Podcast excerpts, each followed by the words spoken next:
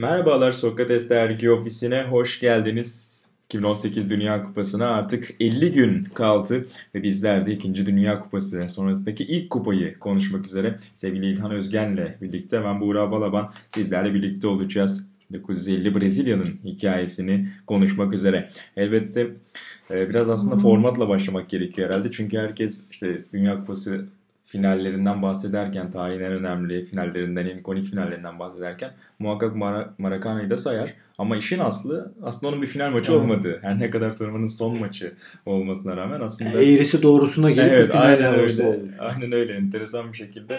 Belki de öyle olmasa bu kadar anılmayacak, bu kadar özel hatırlanmayacak bir turnuva olacaktı 1950 ama final grubu şeklinde oynanan mücadelenin son günü, son maçı bir yandan da final niteliği taşıyan kupa umudu e, son güne taşınan iki takımı Brezilya ve Uruguay'ı karşı karşıya getiren bir kupa oluyor. Tabi formattaki problemler sadece final yoluyla alakalı da değil hiç şüphesiz. Özellikle gruplara şöyle bir bakarsa eğer dinleyicilerimiz kimi grupların 3 e, takımdan e, bir diğerinin 2 takımdan oluştuğunu da görebiliriz. Orada da tabi Hindistan gibi bazı farklı hikayelerle kupadan çekilen takımların payı var hiç şüphesiz diyerek pası sana atayım. Türkiye gibi. Türkiye gibi hakeza. Ya bunun işte amatörlük dönemi olduğu için böyle gariplikler, düzensizlikler görebiliyoruz. Gemiyle Güney Amerika'ya gitme tabii çok kolay olmayabiliyor.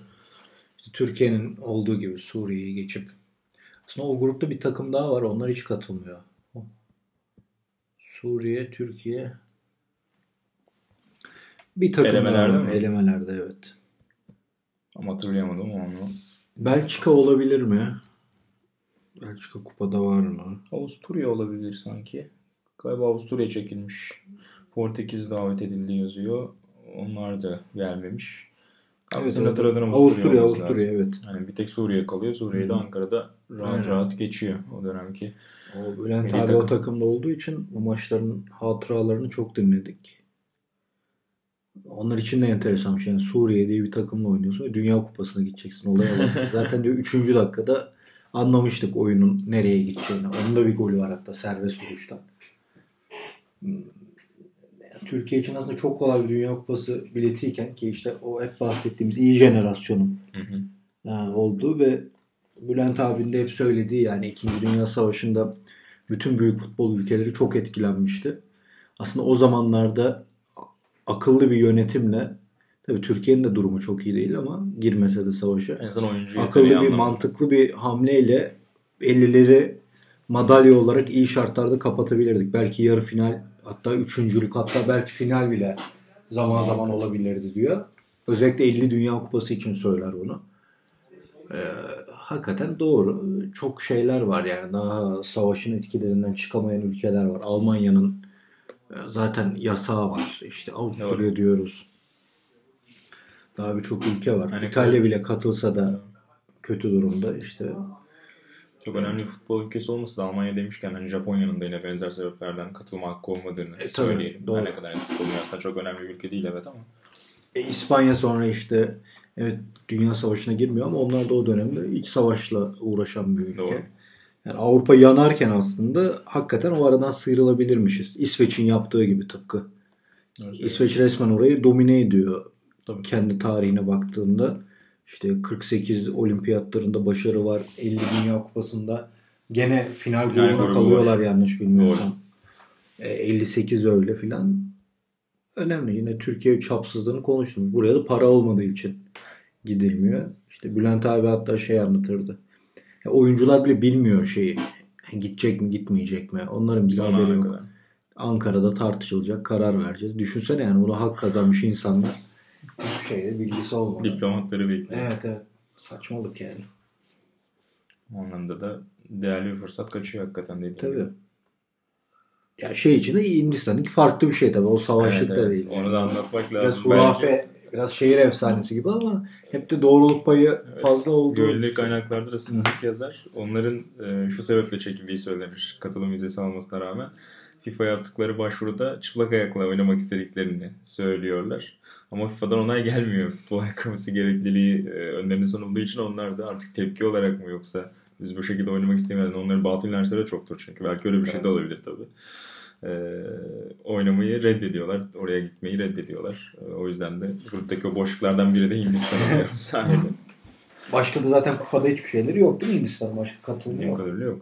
Şimdi ev sahipliği konuşuluyor. 2020'lerde belki öyle bir durum olabilir mi diye. Katar zamanında çok konuşulmuştu işte. Bir sonraki durakta acaba hani 30'lara doğru e, Hindistan olur mu diye ama Ya ben onda da şeyim ya. Katar. Gayet tutucu düşünüyorum. Yani Avrupa'da İngiltere, Almanya, Güney Amerika'da Arjantin, Brezilya. yeter. Onlar da Dönsün. beceremiyor gerçi de İngilizler ya da Almanlar gibi. Birleşik Devletler. abi. Olur mu? Onların da şeyi Olabilir ama ev sahipliği ya oralarda da işte saatler sıkıntı oluyor. Amerika'da olabilir evet doğru diyorsun. Abi Almanya, İngiltere Yeter. sekmezler. Ya Almanya 2006'yı aldığında nöbetçi adaydı. Yoktu adaylı. Doğru. İnanılmazdı. Çok iyi bir turnuvaydı. Hiçbir aksaklık şey hatırlıyor musun? Zaten öyleydi makine yani. gibi. Statlar güzel zaten. E, Avrupa'nın ortasında, dünyanın ortasında. Merkezinde diyelim. Güzel abi işte İngiltere Euro 96'yı bugün harika hatırlıyorsak bunun nedenlerinden biri de stadyumlar. Ya Premier Lig'in izlenmesinde çok büyük payı var o televizyonculuğun, statların. Onun için yani izleyici olarak ikisi en kralı. Ülkeler de güzel falan. Her şey için on numara ülkeler. E, FIFA yönetimine de minik bir çağrı yaptıktan sonra e, konuşmaya devam edelim. Katılmayı reddeden takımlardan bir tanesi de Macaristan. Onlarınki de bildiğim kadarıyla biraz daha politik sebeplerden yani hani işte sol bloğa biraz daha yakın oldukları için onlardan da redler geliyor. O da onlardan bir tanesi olarak. Çünkü işte 54'te bahsettik zaten müthiş bir yolculuğa çıkıyorlar 50'den sonra. E, bu kupaya da sonuçta katılabilecek seviyedeki takımlardan bir tanesi Macaristan ama onlar da bu yönde bir e, tercihte bulunmuyor. Buraya O Amerika'nın ilk kupası oluyor değil mi? Öyle oluyor ve inanılmaz da bir maça imza atıyorlar Evet. e, İngiltere'ye karşı B grubunda. Ondan da hazır lafı gelmişken bahsedelim. Birleşik Devletler takımı zaten bugün bile hala e, birkaç yıl önceye kadar diyelim. Bugün artık iyiye profesyonelleşti belki ama e, işte birkaç kupa öncesine gittiğimizde 90'lara gittiğimizde o zaman bile aslında amatör e, oyuncuların hala milli takımda yer aldığı bir Birleşik Devletler futbolu var. Hele ki bunu 1950'ye uyarladığımızda iyiden iyiye birçok işte e, şoförlerin, genç o öğrencilerin, eski beyzbolcuların falan filan oluşturduğu bir takım var orada. Genelde St. Louis civarındakilerden seçilme. O anlamda da... e, O niye ki acaba? Öyle onu, şey onu biliyor musun? bilmiyorum. Onu görmedim ama takıma şöyle bakınca bol bol işte St. Louis'den çıkma oyuncu var. Hani belki hocayla bağlantısı olabilir. Onun biraz daha detayına bakmak gerekiyor. Ee, o öyle bir enteresanlık da var e, o Ya, dönem kadroda. Şimdi Ama gidip- bakıyorum da. İşte Haitili falan filan genç bir çocuk var. Hı hı. Tüm bunları bir araya getirip e, dönemin çok şaşalı fiyakalı takımlarından İngiltere'yi saf dışı bırakmayı başarıyorlar 1-0'lık skorla. Aslında maç öyle çok da e, hani Birleşik Devletler'in çata çata oynadığı bir maç olmuyor tabii haliyle. Kalite farkı çok ortadayken. Hatta e, Birleşik Devletler kadrosundan Frank Borgin'in açıklamalarını dinledim. Şey diyor e, o gün anlarken ilk 12 dakikada yanılmıyorsam 6 tane kaleyi bulan şut varmış İngiltere'nin ama e, gol olmuyor. Bu bahsettiğim işte eski beyzbolculardan biri de işte Frank Borgi. Birleşik Devletleri'nin kalecisi o maçta. E, aralarda da şey yapıyormuş. İşte cenaze araçlarında amcasını şoförlük falan yapan bir abi. Orada eğlenme amacıyla biraz da kupaya gelip İngiltere'ye en büyük şoklarından birini yaşatıyor. Kalesini gole kapayarak. hocası da hocaların hocası Winter. Winterbottom'da. Yani baba bıraktığı gibi şampiyon, dünya şampiyonu. Yani. Nasıl bir karanlıksa çökmüş adam ellilerine 16 İngiltere baba. Diğer usta da ilk kupası sonunda ilk kupasını bulduk. Galiba. Büyük kaleci. O da evet geçen kupada da dedik ilk kupası diye doğru. Ya beynimiz 1950'den duruyor başla- yani artık. Habire karbonhidrat saydı. Doğru doğru. 50'den 70'e kadardı yalnız söyledik onu. Tabii 21 yani. yaşında bir civan olarak Aynen. Meksika kalesinde şey gibi oldu. Galeano kitabında şey der ya sürekli her kupa hikayesine başlarken Fidel Castro neredeyse ele geçirecekti diye. Ele geçirmesi an meselesi. Ama bu sefer son kupası. Aynen bizim Carvalho'nun de öyle oldu ama tabii zaten ondan öncesinde savaş girecek. Ee, Savaş arasından bahsetmişken ilginç anekdot olarak şunu da verebiliriz belki. Savaştan hem önce hem de sonra kupa oynayan iki oyuncu varmış. Ee, yani 38 ve 50'de oynayabilen. Onlardan biri İsviçre'den Alfred Bickel. Diğeri de İsveç'in. Yanılmıyorsam kaptanı bu kupada. Erik Nilsson. Nilsson. Ee, o ikisi dışında aradaki o 12 yıla direnebilen bir isim yok. Ki zaten o dönem futbolunda Tabii. öyle bir istikrara ulaşmak 10 yılı aşkın bir süre milli takım seviyesinde kalmak çok kolay değil. O anlamda da özel tabii. Bikel ve Nilsson. Bu arada İngiltere'den bahsettik. Şunu da söyleyeyim. haberlerde gördüm. İki gün önce daha e, çok yeni Roy Bentley vefat etmiş 93 yaşında. 50 Dünya Kupası kadrosundan hayatta olan son isimmiş. E, o kadronun da son temsilcisi vefat etmiş. Chelsea'nin eski kaptanlarından. E, o da belki minik bir üzücü haber olarak, anekdot olarak e, notlarımızı alabileceğimiz bir durum. İngiltere ABD maçında şey de var tabii kimse hani böyle bir şeye ihtimal vermediği için o dönem ajanslar 0-1 olarak e, skoru geçince İngiltere'de birçok basın kaynağı muhtemelen yanlış yazıldı. Bir çıkmadı diye. İngiltere ona bir kazandı şeklinde manşetler de atıyorlar tabi.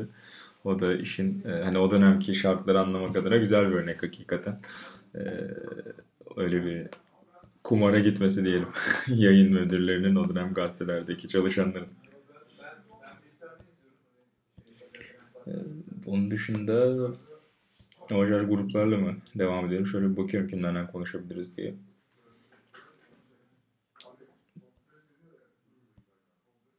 A grubunda Burada Brezilya Brezilya var. Aynen. Aynen o Brezilya'nın bir şeyi geçen söylemiştik 54'te galiba. Brezilya'nın beyaz formasıyla son turnuvası. Doğru. Mavi beyaz formayla. Evet. Daha sonra o meşhur sarı forma genç bir tasarımcı tarafından. Sonra öğretmenlik yapıyor sanırım. Onun tarafından seçilecek. Daha doğrusu çizilecek ve seçilecek.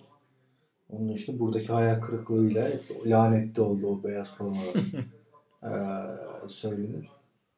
Öyle bir değişikliğe gidecekler. Aslında bir sembol de bu Brezilya futbol açısından. Hani her şeyi değiştireceklerine dair bir aslında evet. bir mesaj gibi de. Hakikaten de sonra öyle oluyor. İşte 54'e 58'e o dönemlerde nasıl hazırlandıklarını söyledik birçok işte psikoloğundan şeyine kadar. Yani Avrupalı takımları izleyerek yani video Dönemin çok ötesinde hazırlıklara başladıkları bir döneme girecekler bu hüsranın ardından.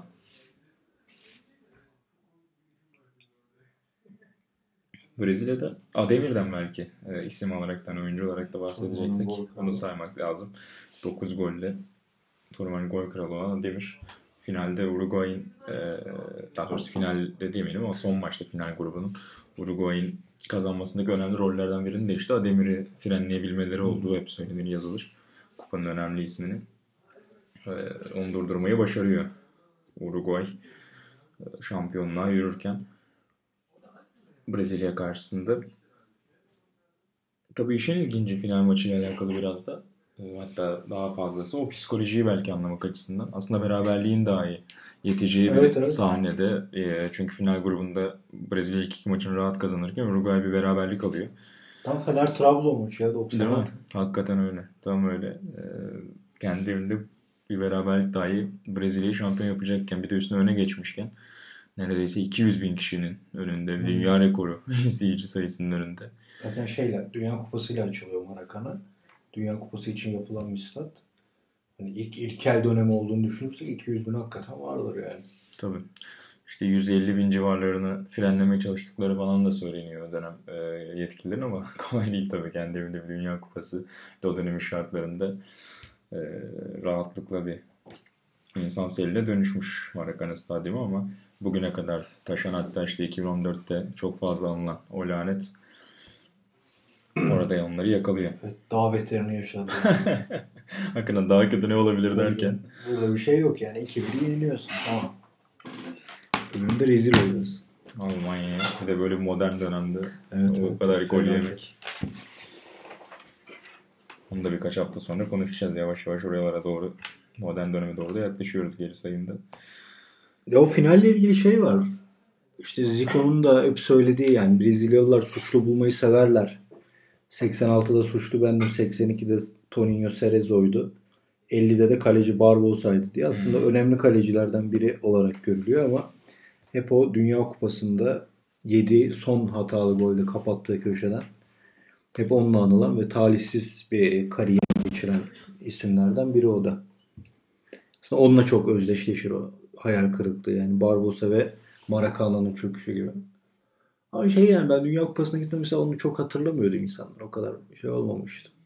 82, 82 çok... abi onlar. Tabii yaş olarak da 50'leri çok hatırlamadıkları için ama şey hep Pele anlatır ya yani 50 Dünya Kupası yani babam ağlıyordu.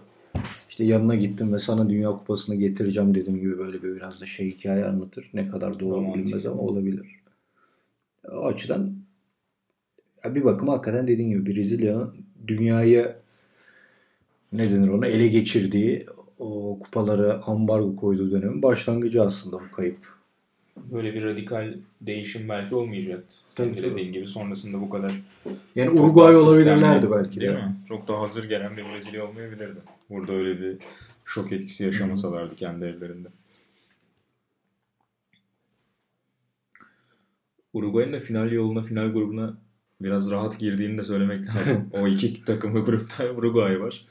Ee, B grubunda yalnızca Bolivya ile oynuyorlar ki Bolivya zaten e, turnuvanın en zayıf takımlarından biri. Onları da 8 golle geçtikten sonra tek maç sonunda kendilerini final grubuna atmayı başarıyorlar. O anlamda hani İngiltere gibi öyle bir yol kazasında rastlama şansları da yok zaten yani. Tek bir maçları var grupta.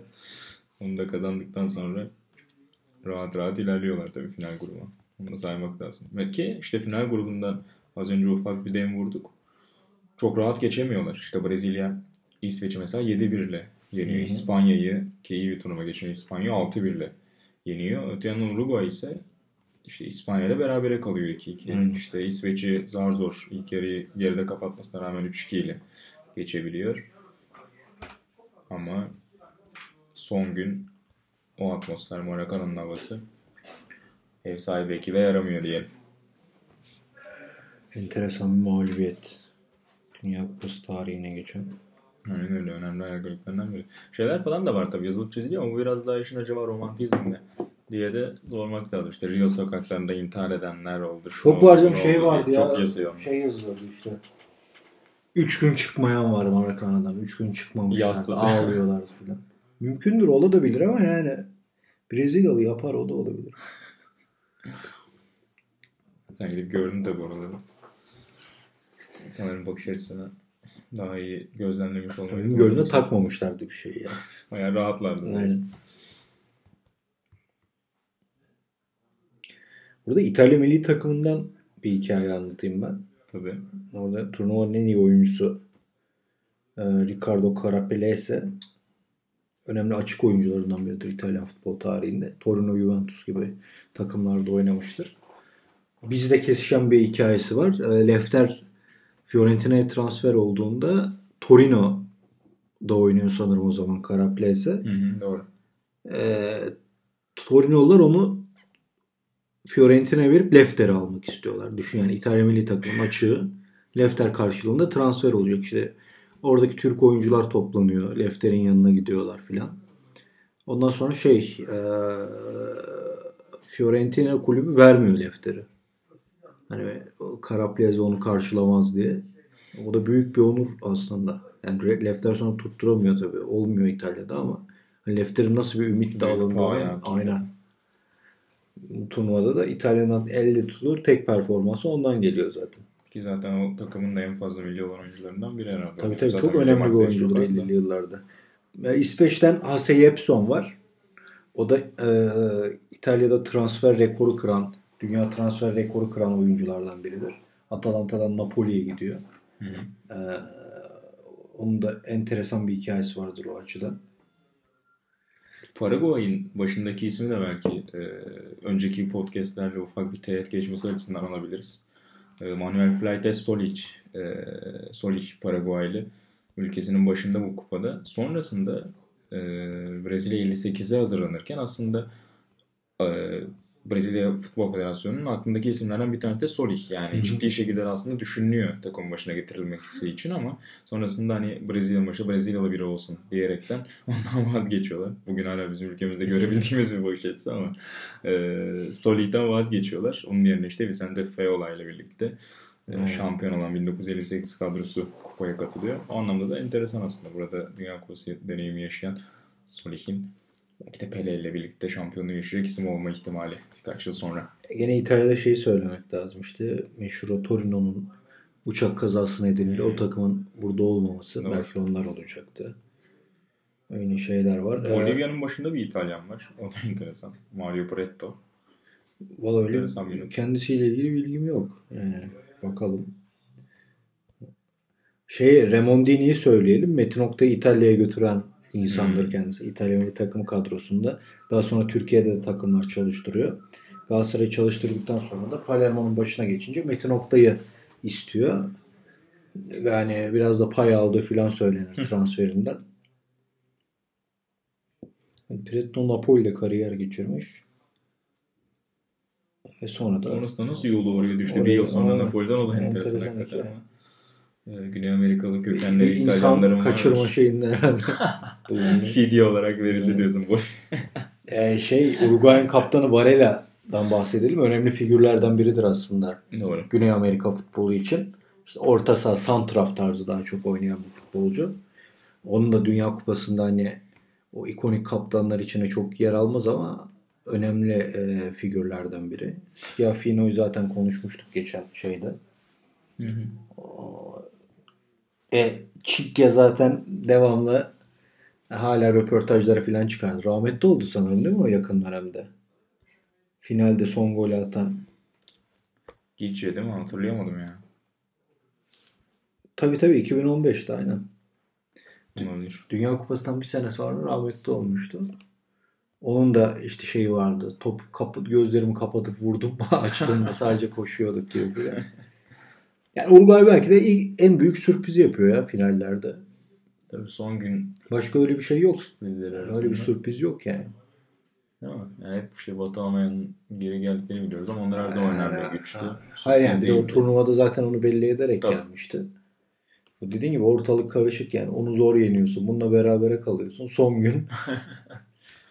Belki şey yani çok da bir doğru bir örnek değil yani. yani bu kadar dramatik değil ama işte hani 98 bir anlamda sonuçta Brezilya aslında favoriydi. Fransa hani çok vura vura gelmemişti o kupada ama sonuçta belli bir yetenek kalitesi, yetenek Tabii. toplamı vardı. Belli bir oyun tarzı vardı. Orada Bir de işte Brezilya da vura vura gelmemişti yani. Evet doğru söylüyorsun. Böyle bir şey yok ya. Herifler finalde. 6 atıyor, 7 atıyor, 8 atıyor. Baba geliyor 3-2 ile 2. Son gün önüne gidiyor geçiyorlar Aynen. son maçta. Tam şey Aynen. derler ya Uruguaylı Arjantinler İtalyanlar gibi oynar. Tam o iş yani. Hiç yoktan şampiyon olmuş. Tabii canım ilk grubu iki takımla falan geçmek ya inanılmaz bir şey yani. Tabii ya diyorum işte Avrupa Şampiyonası içinde konuşuyoruz. O 84'e kadar. Bu da 70'e kadar. Hadi 66'yı da alalım. 66 da İngilizler biraz şey. Salla pati biraz. Yani çok garip ya. Turnuva işte. Takılıyoruz. Bizim şeyler oluyor kulüpler gidiyor salon turnuvalarına falan giderdik. bir şey. Evet saygı duymalıyız o insanlara. Hep e, ye- yeri olmalı dünya futbol tarihinde ama yani çok amatör daha her şey. Futbol amatör. Ama Sadece seyirci amatör değil. Hep Hep o tutku var. Evet evet hep o tutku var. Zaten Dünya Kupalarını biraz da bu hikayesini arttıran aslında çok insanın ilgisini çeken şeyler olması buradan anlaşılabiliyor yani. Hep bakıyorsun ya İsviçre'de de var, Brezilya'da da var. Hep insanların ilgisini çekmiş oyun. Yani o zaman Dünya Kupası'nın bu kadar sponsorlu, bu kadar reklamlı bir şey olmadığını düşün. Yani ülkende bir turnuva düzenleniyor ve gidiyorsun. O acayip bir tutku. Kesinlikle öyle. Uruguay'ın işte 30'la birlikte ikinci şampiyonluğu ki bugüne kadar da zaten başka bir şampiyonluk yürüyüşleri olmadı. O anlamda da bir e, akrabalık ilişkisi verebiliriz belki. Burada e, notlarda var. Victor Andrade bu 50 kadrosunda olan isimlerden biri. Son maçta da Brezilya'ya karşı oynayan. Onun da amcası 30'da kazanan kadronun parçasıymış. E, sitede okudum. O da enteresan tabii. Yani ülke tarihinin iki aile. şeyinde aynen. İki şampiyonluğunda rol alan bir aile. O yüzden özel şüphesiz.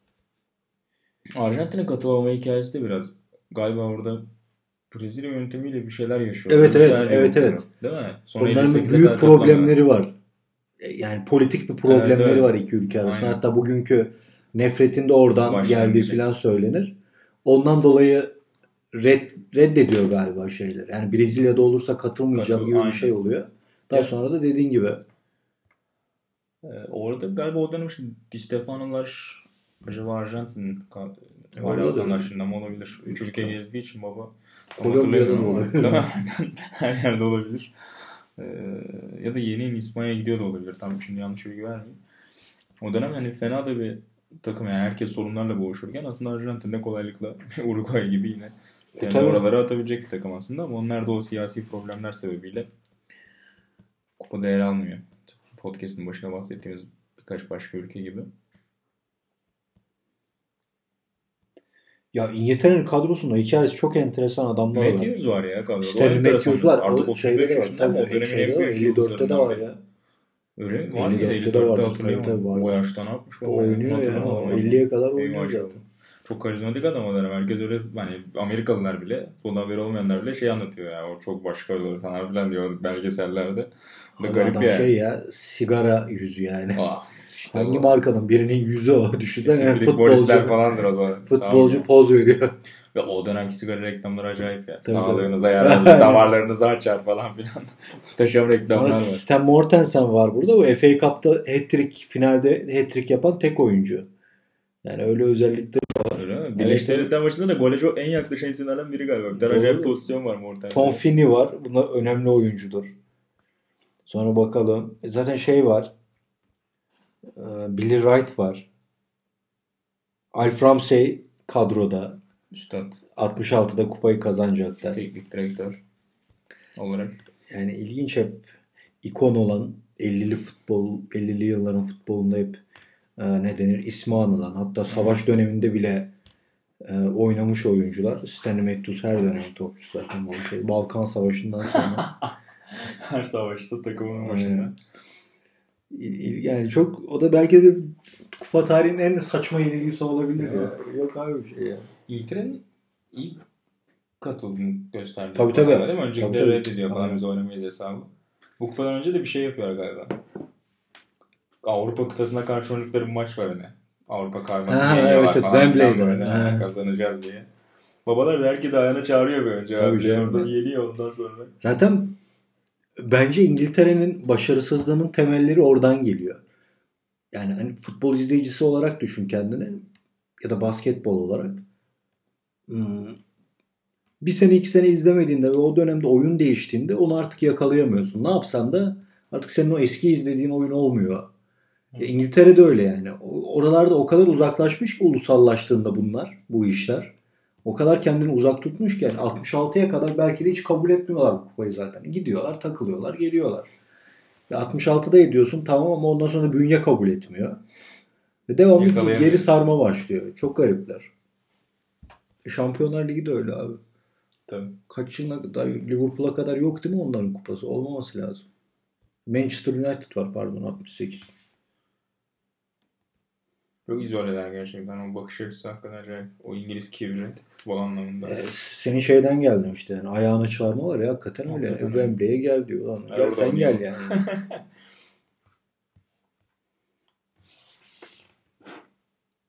Burada işte kadrolardaki enteresan noktadan biri de işte e, hani neredeyse artık 60'lara kadar şunu söyleyebiliriz. Hani ülke dışında futbol oynamak çok yaygın bir şey değil. Ee, gerek kotalar gerekse de fiziki lojistik şartlardan ötürü. Şili'de bir enteresan abi var. George Robledo. Ee, o dönem Newcastle United'da oynuyor baba. Ee, onun ailede gerçi bir karma şeylik var bildiğim kadarıyla. E, muhakkak öyledir. zaman. yani George lakabıyla Hele şey bir de e, şöyle düşün. Neydi? Ardiles'te giden Ricky.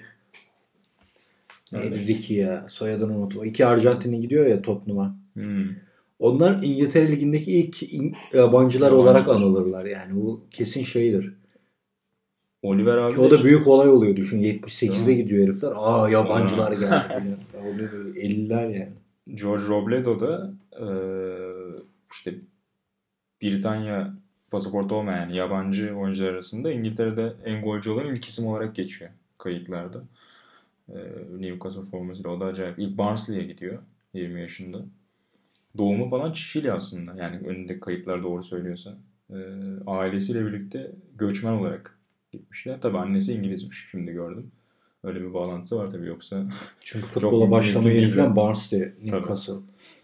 Sonra ülke devi Kolo Kolo'ya dönmüş. Tabii. Vatanına hizmet edeceğim diyerek ülkesi Şili'ye dönmüş. Kolo da şöyle bir 5-10 yıl önce Humberto Suazo vardı o. Hatırlar mısın? Şey olmuştu. Hmm, neydi o?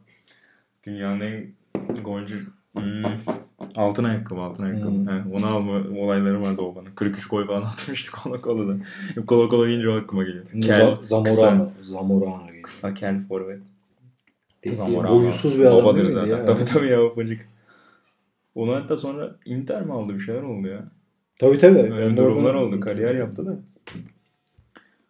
Yetmedi yani. Boyunsuz reis. Barcelona ikinci ligdeymiş. Yalnız şey de enteresan. İkinci Dünya Savaşı sırasında George Robledon'un ailesi İngiltere'ye göçüyor. Hmm. Yani bir bekleseydiniz abi.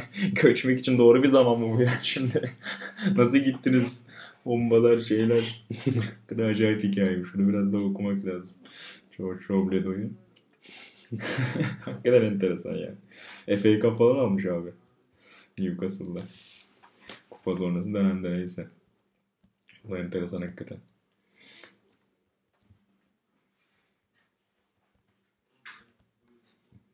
Başka şöyle bir bakıyorum var mıydı notlarımızda konuşmadığımız bir şey diye. Tabii yavaş yavaş kupada geriye doğru gidince bizim de kaynaklarımız yavaş yavaş Yani kaynak hem görüntülü, diğerlerini izleyip fiziksel ettiğimiz şey daha var. önce bildiğimiz Tabii. için bunu sadece anlatılan hikayelerden. okuyabildiklerimizden, yazılan çizilenlerden. Ya şeye bakıyorum Paylaşım yanlış hatırladım mı diye kullandım da aynen doğru hatırlamışım ya. Son dönemini Kolo Kolo'da oynamıştı şey. Zamorano. Zamorano değil mi? Tabii. Doğru hatırlamışım. Aman ne dedim ya. Vatana hizmet. Zamorano. Hayır şeyden kutsaldır. kafadan kurmuş da olabilirim hani. Kızıl derili ya şeyi logosu. Lan oradan Zamorano'ya kafamı kurmuş. Ha, Doğru hatırladım. Ona bakıyorum özür dilerim.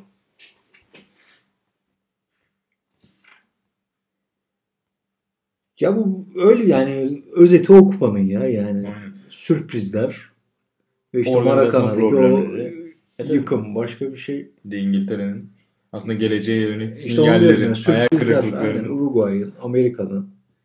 Amerika zaten o kupadan sonra bir daha 1990'da ilk defa kupa Evet. görecek. O da enteresan. Zaten 94'de ev sahipliği yapıyorlar. Sonra, Ama ondan sonra da düzeni sağladılar. O büyük bir iş. Tabii. Ya gerçi kıtada da ciddi rakipleri yok ayrı konu ama bu sene bir şekilde katılmamayı başardılar. Zor da onu başarıp. Ya mesela 2014'de falan gittiklerinde bayağı takımlardı artık. Tabii tabii. Clint Dempsey. Gerçi her turnuvada şey olur. Amerika futbola yeni alış. ben 90'da da öyle diyorlardı. Aynen. Büyük bir güç geliyor diye. O her kupada oluyordu. Neyse bu sefer olamayacak. Kendileri gelemediği için. Şimdi onlar da gençleşiyor tekrar. Yani gençleri alıyorlar kadroya ama bakalım. 4 yıl sonra konuşuruz yine. işte devletlerin doğuşunu.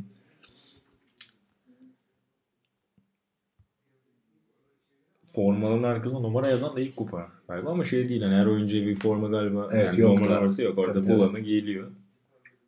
Futbol 1944'te getirilen bir yenilik. Formanın sırtına numara yazma geleneği.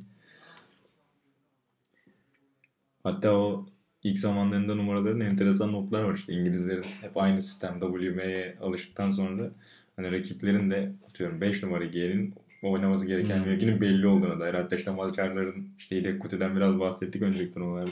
Biraz daha akışkan farklı yerlerde o farklı numaralar oynayan e, oyuncularını görünce İngiliz köşe yazarlarının işte bunu bir hile olarak anlattığına dair şeyler falan var. Acayip notlar var. Onu- da enteresan yani. Doğu Avrupa futboluyla çok içli dışlı olan Serpilem Tüz'ün de Beşiktaş'ta işte kullandığı söylenir. Altyapılarda hatta A takımda işte Bora Santrfor Bora'yı 2 numaralı oyuncu olarak oynattığı gibi. Tabii Sen artık 9 o- numarayı tutacaksın diye onu Aynen. yollayıp savunmaya Evet doğru. evet biliyorsun Türkiye'de anılar çoktur öyle işte. Müthiş ya. Geri Lineker'in numara şeyini yanlış söyleyip adam Lineker'i tuttum diye oynuyor. ve- Gibi gözlemci raporu. Aynen aynen. Ya o eski kafalılık yani. Her maç artık Evet. değişiyordu bir süre sonra. 70'li yıllarda her maçta değişiyordu o forma artık yani. Ya da 80'li yıllarda ama aa, 9 numara var. 9 numara iyi topçu. Bir adını öğreneyim. İmkanları zorlama da yok. Tamam imkansızlık var ama ben imkanların da zorlanabileceğini düşünüyorum yani. Türkiye'de o tembellikte olduğu için çoktur yani Lineker diye başka adamı tutturanlar.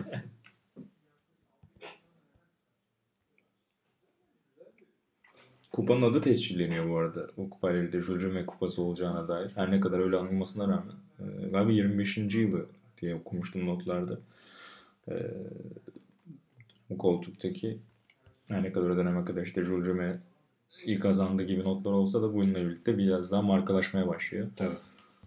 E, çok da ayrı bir anlam kazanıyor. Jurjeme kupası olarak Dünya Kupası'nın e, o dönemki kupalarda daha sonra çalınma şeyi de yaşayacak. deneyimleri de yaşayacak o kupa.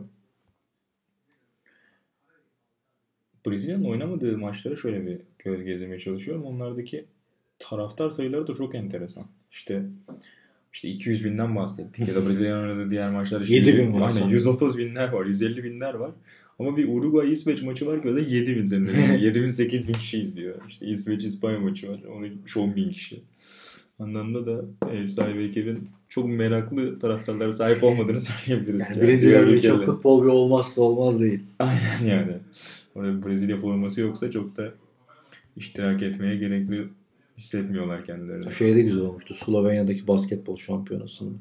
O da öyleydi değil mi? Slovenya yoksa yoktu. Bir de basketbol ülkesi. Yani Türkiye'de hep yerdik şeyleri. Ülkemiz basketbolu sevmiyor. Sevmiyor. Baba Slovenya'da gitmedi boş. ya. Daha ne olsun. Yemişim Türkiye'yi yani. Ee, Ademir'den bahsettik kupanın en golcüsü diye. Uruguaylı Juan Schiaffino da 4 maçta 5 gol atıyor galiba. Tabii. Büyük o da oyuncu. önemli bir isim. Onda İtalyan asıllılık var galiba Var değil mi? Sonra Yani İtalyan bir an milli takımda transfer ediliyor oynuyor hatta sonra. Aynen.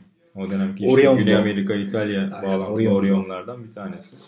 O da büyük oyuncu. Tabii. Rivera'nın Rivera'nın ustasıdır işte. Onu yetiştirdiği söyle. Çok uzun süre oynayamıyorlar birlikte ama yani Rivera'nın onun yerini alındı. Hatta bir kulüp yetkilisinin işte başkanı arayıp sisten dolayı maçı çok iyi göremiyorduk ama Alessandria'da bir çocuk vardı. Sis yoğunlaştığı zaman Schiaffino mu yoksa o Rivera mı anlayamıyorduk gibi bir telefon etti. Daha sonra onun alındığı hatta başkanın da adını bile söyleyemediğim cılız bir çocuğa Schiaffino diye 25 milyon liret mi verdik öyle bir açıklaması var. 25 bin mi, milyon mu tam hatırlamıyorum. 54 Dünya Kupası'ndan sonra dediğim gibi 70-80 bin sterlin falan olanın parasıyla acayip para verilmiş hakikaten. Ha, Schiaffino verilmiş zaten tabii tabii. Hasan Rivera ücretini diyorsun. Schiaffino. Çok önemli bir oyuncu. İtalyan futbolunda da öyle. Zaten sonra kalıyor da yanılmıyorsam İtalya'da. Roma filan da var onun kariyerinde. Roma'ya da gidiyor. Doğru. Çok önemli bir oyuncu. Önemli ikonlardan, önemli yabancı oyunculardan. Çünkü İtalyan futbolunda 50 yıllarda e, 50'lerin başında 3 sanırım. Sonra 55'te 2'ye indiriliyor tekrar. Sonra 60'larda tamamen kaldırılıyor. Ama bazı böyle e, ayrıcalıklı oyuncular var. Mesela Alman Haller de öyledir. Haller her şartta oynar İtalya'da. Yabancı kalktı diyor Haller var kadroda. C- şey, Bologna'da falan oynuyor. Açık çek. Juventus aynen. Babalar oynuyor. Orada kesin bir katakulli dönmüş yani. Hani şey gibi. Türk kafası. 3 sene önce sözleşme yaptıysa oynayamaz. 2,5'da oynar gibi bir şeyler %100 dönmüştür. Bizim de sözleşme hukuku çok esnektir ya. O Tabii, tabii. hakikaten. Schiaffino sonra Uruguay milli takımında çalıştırmış. İlerleyen Tabii, tabii. Notlara baktım. İtalya milli takımında sadece 4 kere oynayabilmiş ama yaşıyla birlikte de tabii. 60 başı falandır o işte. Tabii tabii. 62'de bırakıyor zaten futbolu. Tabii 60 başında milli takımda oynamıştır İtalya'da. Öyle olması lazım. Orada onlar Altafini Maltafini hepsini bir götürüyorlar ya 62'ye. Aynen. Çok Geliyoruz ulan diye. şey tamamı Güney Amerikalı topçular. İtalyanca öğrendiler mi acaba? Ben onu merak ediyorum. Biliyorlar. Bir şey yok. Çoğu İspanyolca konuşuyor zaten. Doğru gerçi yakın diller. Ya Maradona Napoli'ye geliyor. Hem Napoli'de yaşıyorsun hem İtalyanca. Aynen. Bayağı İtalyanca konuşuyor bir senede herif. Doğru. Çok Dil benzeştiği için onlar. çok yakın. Anlam avantajı Ama o 62 İtalyan milli takımına bayılırım. Lan tamam şey. Tam Tam çalıntı Türk işi. değil mi yani? Aynen. Getir baba. Şimdi görecekler. Şimdi görecek. Sonra kavga ediyorlar sadece. Hristiyan Türkler. Başka bir şey yok yani. Şimdiki İrlandalılar. Tanıma.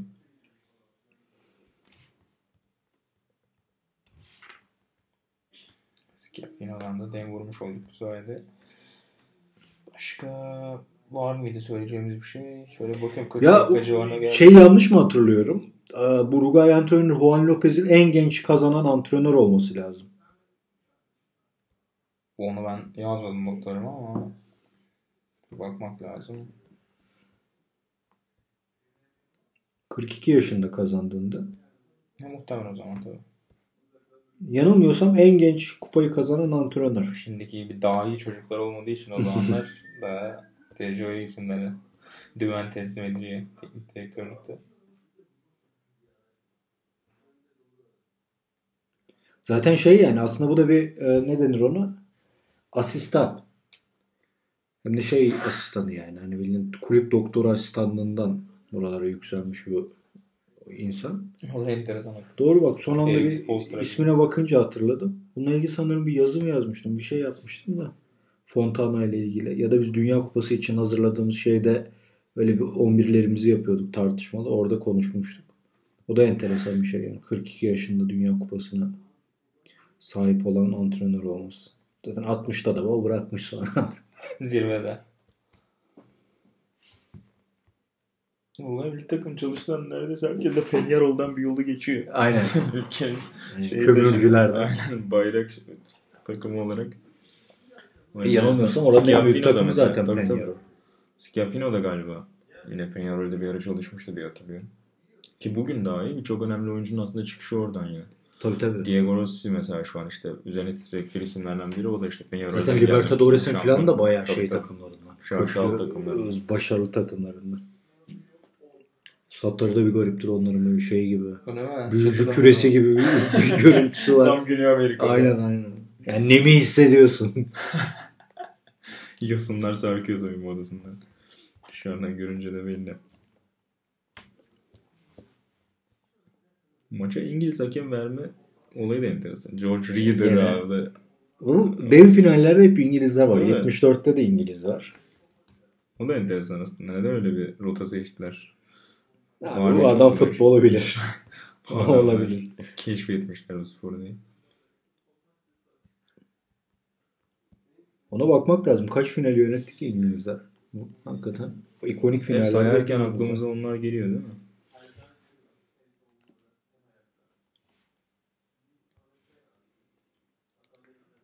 İşte kıtanın öte yanına e, elemelerden hak kazanıp gitmeyi reddeden ülkelerden biraz işte İskoçya, Fransa falan da var. Onları da saymak Tabii. Fransa zaten normalde şey de kazanıyor. Yanlış bilmiyorsam. Hak kazanıyor gitmeye. Aynen. Orada katılmayacağını açıklıyor. Yani Doğru. önceden Türkiye gibi bir durum yok kısacası. Dediğin gibi kabul ediyorlar önce daveti. Sonra ama şeyi Dünya Kupası sırasındaki dolaşım e, ya şehirler arası seyahati Hı. görüp onu reddediyorlar. O da enteresan bak. Tam Türk işin yap- yapılacak şey aslında bakarsan ama. Ya o iki şehir arasında da çok fark oluyor abi bazen. O dönemlerde adamlar şey yapamamıştır. Gözü yememiştir yani.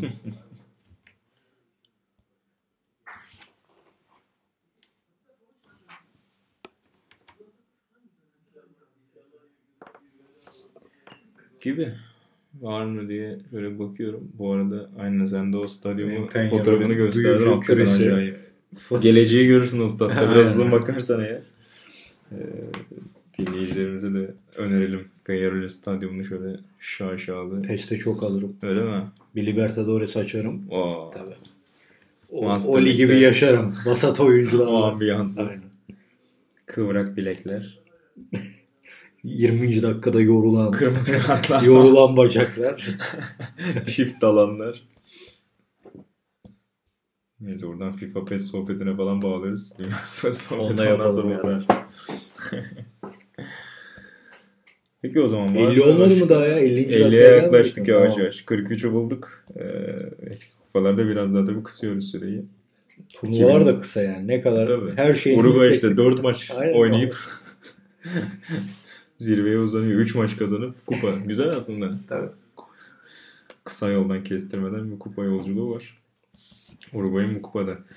38'e 34'ü İtalya kazandığı için daha uzun. Oralarda sen daha aynı. Yani o şikeleri, o hakem, o temiz futbol hamlelerini. Perdenin arkasına getireceğiz dinleyenleri. Orada İtalyanların nasıl ulaştığı bu zaferlere tek tek konuşacağız diyelim. Yavaş yavaş o zaman podcast'in sonuna gelelim. 1950'de böyleydi. Şimdi e, savaş arasına gireceğiz tabiri caizse. 46-42'de kupa düzenlenmiyordu.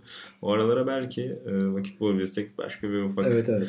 formüller sıkıştırmaya çalışırız. En güzel goller En güzel goller, şeyler. en büyük e, takımlar, en büyük oyuncular gibi öyle bir listeler hazırlarız belki.